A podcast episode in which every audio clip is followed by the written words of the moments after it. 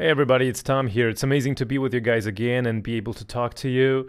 Welcome to the next episode. In this one, I'd like to tell you something about structuring team coaching and action learning programs online.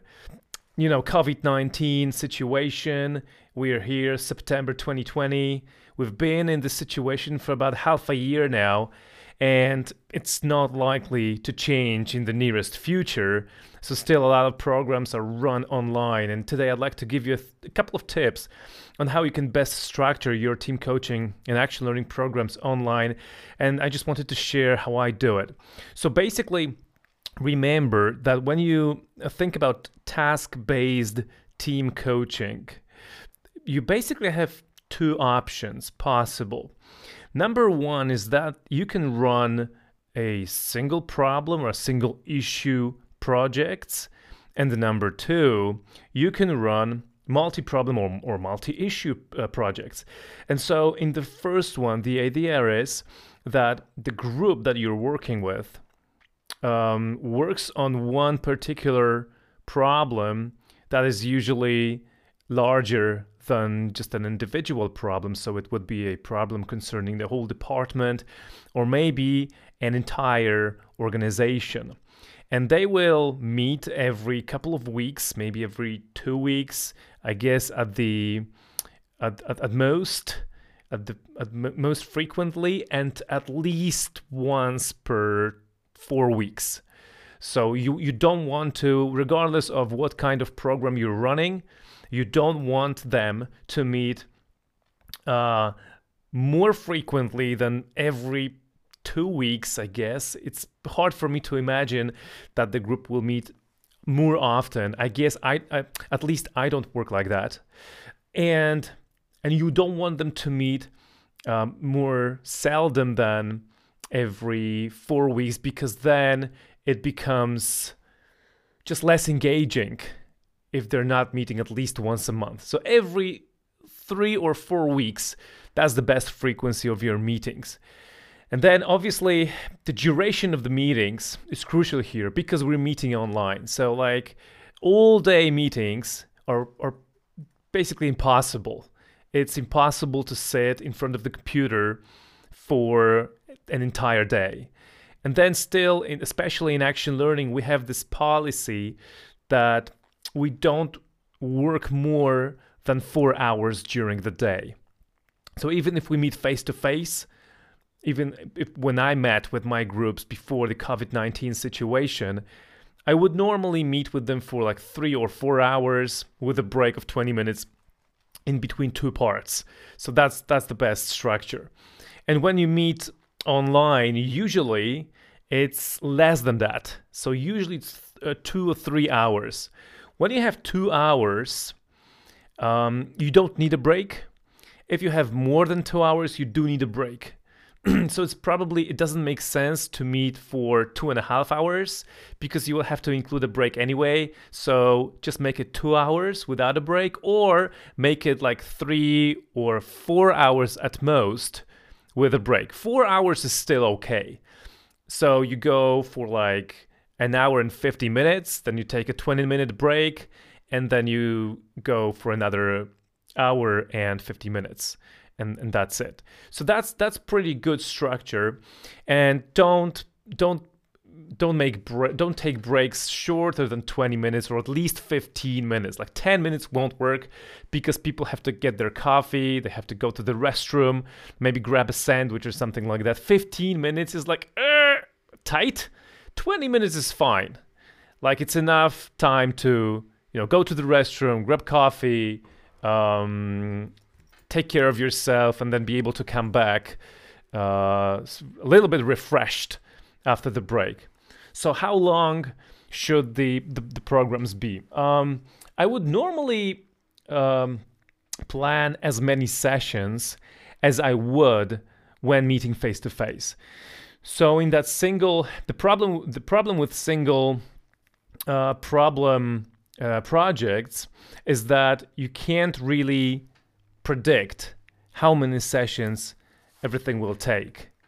So I guess the best idea is just to plan something initially, like talk to the group and ask how long do you think solving this problem may take? Like what's your estimation? What's the first rough guess? Action learning may speed it up although time is not like cru- um, spe- at least speed is not crucial in action learning. Yes you want to do it fast and you don't want to do it too long or longer than necessary but at the same time we don't necessarily if, if we don't have to we're not aiming at doing it as quickly as we can we're aiming at doing it as profoundly as we can as diligently as we can, as effectively, and in the most innovative way as we can. This is what we're aiming for, not necessarily time. But of course, if deadline is of is importance, is, is of significance, then you have to take that into account. And and yeah, just if you have a deadline, then it's not a problem. Like you just assume that you have to finish by a certain date. If you don't have a deadline, just talk to the group and ask, what's your rough estimation? you know your organization, you guys are the experts in this field, or at least you know you you have been chosen to this group to deal with this problem because we believe you can handle this. How long do you think? And then what you do is you monitor the progress um, along the way, and if you happen to have fewer sessions than planned, planned great. If you have to make one or two more, okay. So you just, you just have to take into account that flexibility. Uh, some people ask me when I talk about this. Some people ask me, well, okay, well, so well, how to price it, how to structure the the proposal if you don't know how many meetings this will take. So that's tough, and people do it in different ways. But I guess the best way is just to charge on the basis of value and the entire project and say running this project will will cost this much and this will be my compensation. Um, and then if you again run one or two sessions fewer than expected but you still deliver results amazing. If you have to do one two three sessions more okay it's just it's covered in your costs in your plan so you have to you have to take accountability for that. But I guess that's the that's the best way. Just um, charge for value um, the entire project and not per session. And similarly, I also charge for entire projects when I run multi-problem projects. But then it's a lot easier to um, de- determine how many sessions the project will take. So for like a leadership development, classic leadership development project, when you have a group of people, managers, or high potentials, and you want to offer them an action learning program, I would say no less than five or six meetings. This is like minimum.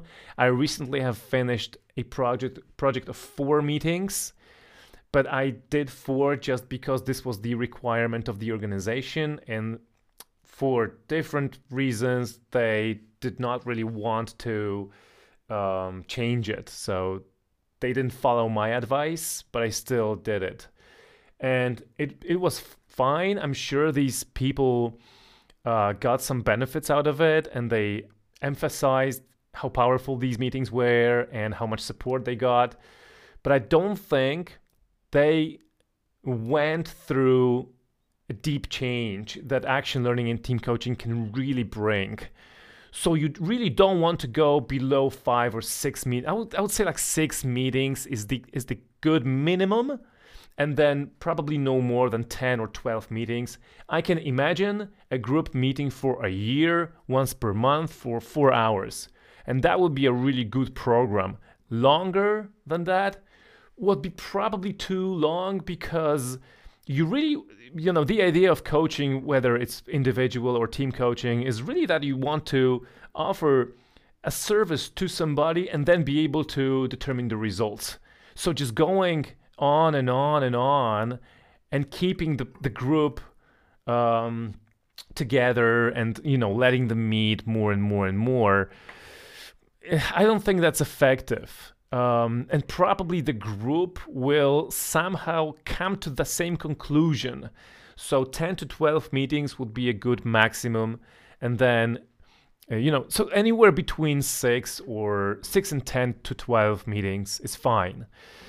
And then some people ask me, okay, so how many problem presenters should I have in my multi problem um, session or program? So should I have like one problem present or two problem presenters when I uh, run um, a session for like two or three hours, and each of them has got like 45 minutes to one hour for themselves.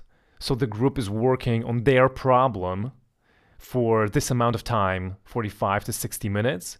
Or maybe should I have more problem presenters and less time for each of them? So I can imagine if you have like a two hour meeting, you can have uh, one or two problem presenters that present and that the group is working on their problems uh, one at a time for say f- like f- maybe 40 minutes but then you can have like four problem presenters uh, and the group is working on each problem for 20 minutes. So basically what you should consider is the level of advancement of the group.